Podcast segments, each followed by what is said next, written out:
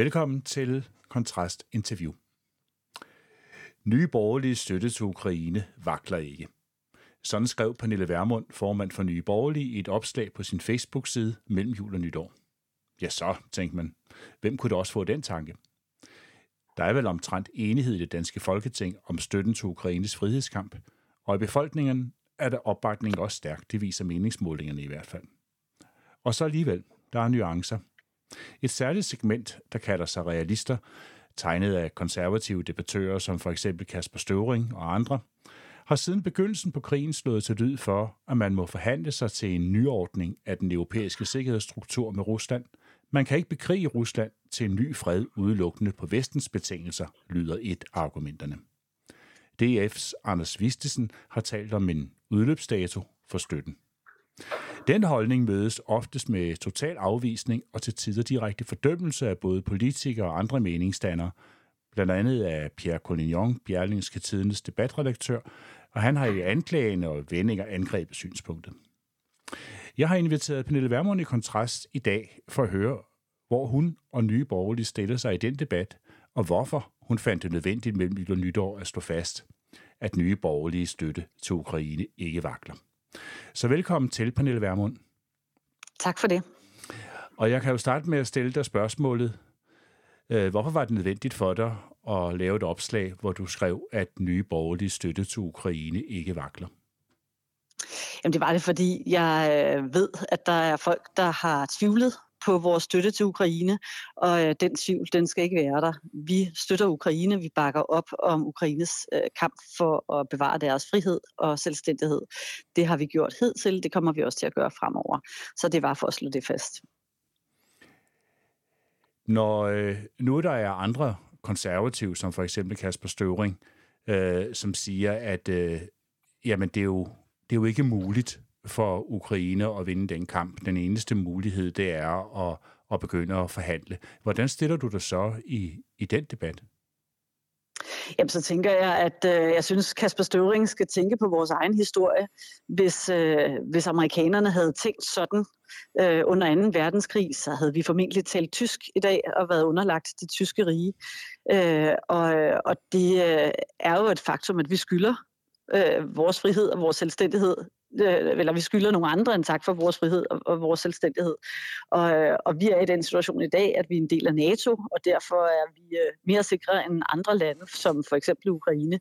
Når de øh, oplever at blive angrebet af Rusland, jamen så synes jeg, at vi er forpligtet til at, øh, at hjælpe det, vi kan, og vi er et velstående land, og også et land, som gerne vil være, øh, hvad skal man sige, øh, en del af værnet om den, øh, den frie verdensorden, og derfor synes jeg, vi skal støtte Ukraine. Og det er så øh, uden nogen udløbsdato, som øh, Anders Vistesen han taler om? Jamen, den udløbsdato, der kan være, det er jo en udløbsdato, som, som ukrainerne selv vælger. Det er jo ukrainerne, der har sagt, at vi vil gerne forsvare vores land. De er blevet angrebet, og de er klar til at kæmpe for øh, at bevare deres frihed og deres selvstændighed. Og, øh, og så længe de er klar til det, så skal vi bakke op. Det er ikke os, der skal sige, at de skal overgive deres land. Altså nu har krigen, er krigen jo ikke ny længere. Den her, det er jo langt over et år siden, at Rusland angreb Ukraine. Og øh, hvis man ser på det politiske, og også hvis man ser på det militære, så er der jo ikke nogen umiddelbar løsning i sigte. Altså det ser jo ikke ud som om, at Ukraine er i stand til at genvinde deres territorium. Så øh, er der ingen risiko for, at det her bliver sådan en form for en evighedskrig? Jo, det er der i princippet en risiko for, men hvad er alternativet?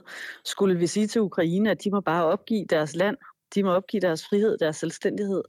Det kan vi jo ikke. Altså sådan kan man jo ikke øh, agere. Øh, I min verden har vi et ansvar for at, øh, at hjælpe og støtte, og, øh, og det er, synes jeg, en god, ordentlig borgerlig øh, tankegang, at hvis man har øh, ressourcerne og, og, og overskuddet, jamen, så skylder man også at, øh, at bakke op, hvis der er et land, der bliver øh, angrebet, som, som vi har set det med Ukraine.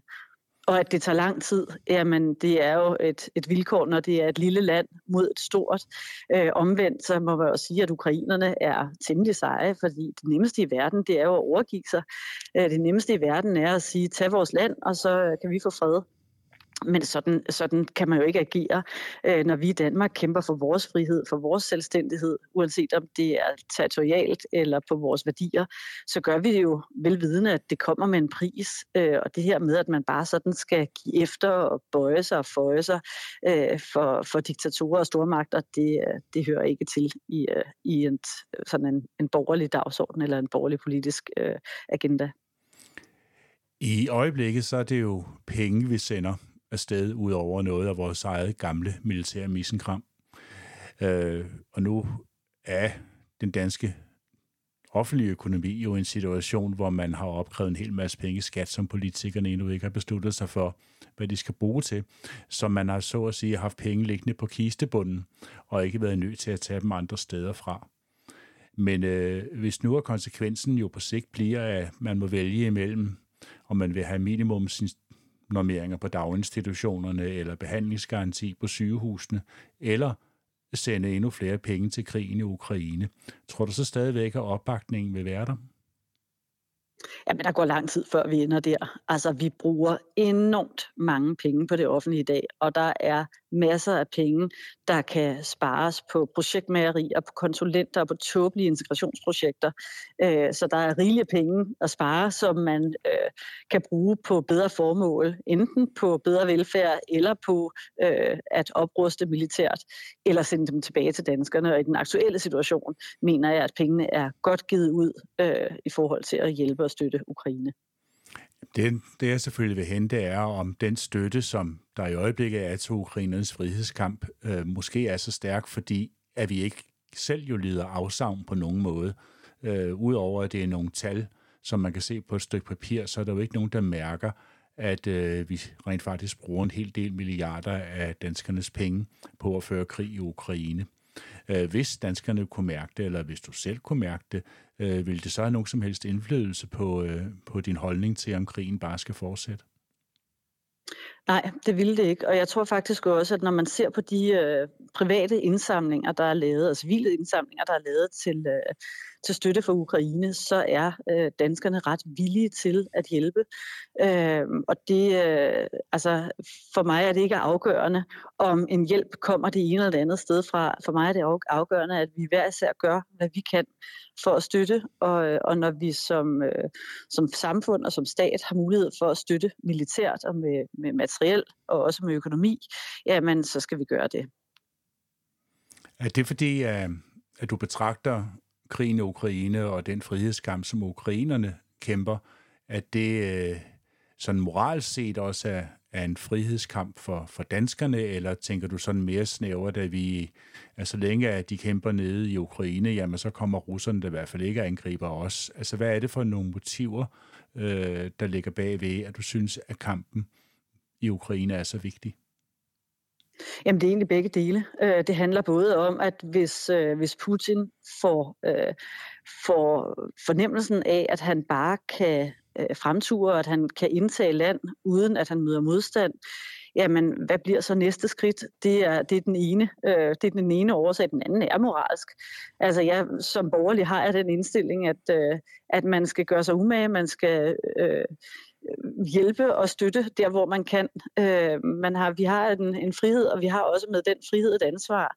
Øh, og når vi har muligheden for at, øh, at bidrage, og også bidrage til, at et land, som indtil nu har været frit og selvstændigt, måske kan få lov at være det, øh, også fremover, så længe landet selv er klar til at kæmpe for den frihed og selvstændighed, så synes jeg, man skylder det, og det er også et moralsk spørgsmål.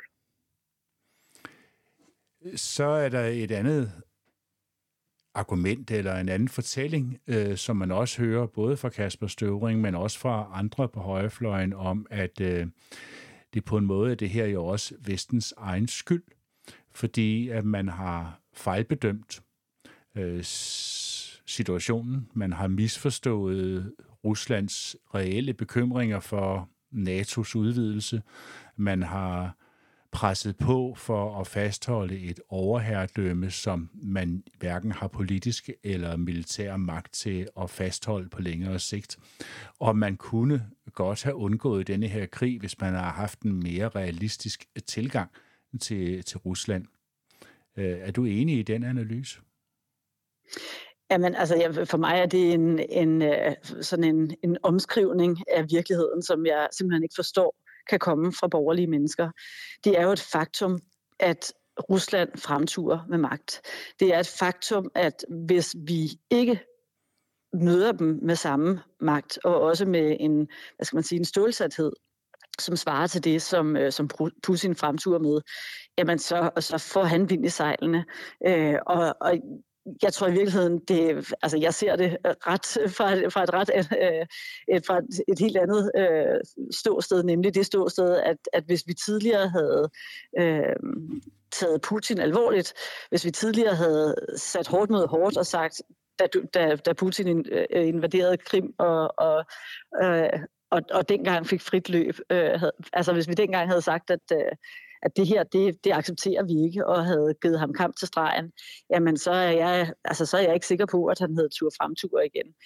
Øh, så så at, at tro, at, øh, at Putin og russerne bare er sådan nogen, man kan øh, føje sig for, og så, øh, så er de nok som alle andre, det synes jeg er meget naivt.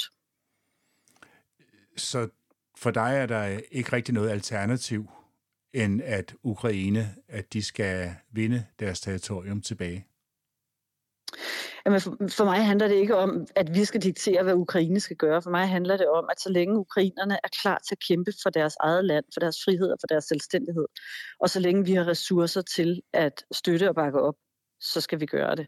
Den dag ukrainerne siger, nu vil vi ikke mere, øh, eller den dag øh, Putin trækker sig, jamen så er der en, en, en udløbsdato, men det er ikke os, der skal diktere den. Det, øh, det må være ukrainerne. Og det er så uanset øh, hvilke styre, der sidder i Kiev, og hvad deres, øh, hvad skal man sige, deres demokratiske habitus, eller deres egne nationale ambitioner, hvad de indeholder, så øh, er det en moralsk pligt at blive ved med at støtte deres krigsførelse? Jamen, jeg, jeg, jeg, jeg, min støtte til Ukraine handler ikke om en politisk dagsorden i Ukraine.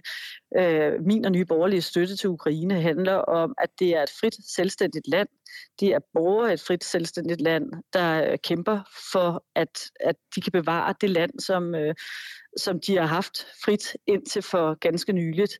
Og, øh, og den kamp fortsætter uanset hvad det er for, øh, for politisk dag, dagsorden, der så er indrigspolitisk i Ukraine. Jamen, øh, så tror jeg, vi har fået stået det fast, Pernille, at øh, nye borgerlige kommer til at støtte Ukraine, så længe krigen var. Det er der ikke nogen tvivl om. Det gør vi. Ja. Det er korrekt. Men tak fordi jeg godt måtte ringe til dig. Ja, selv tak.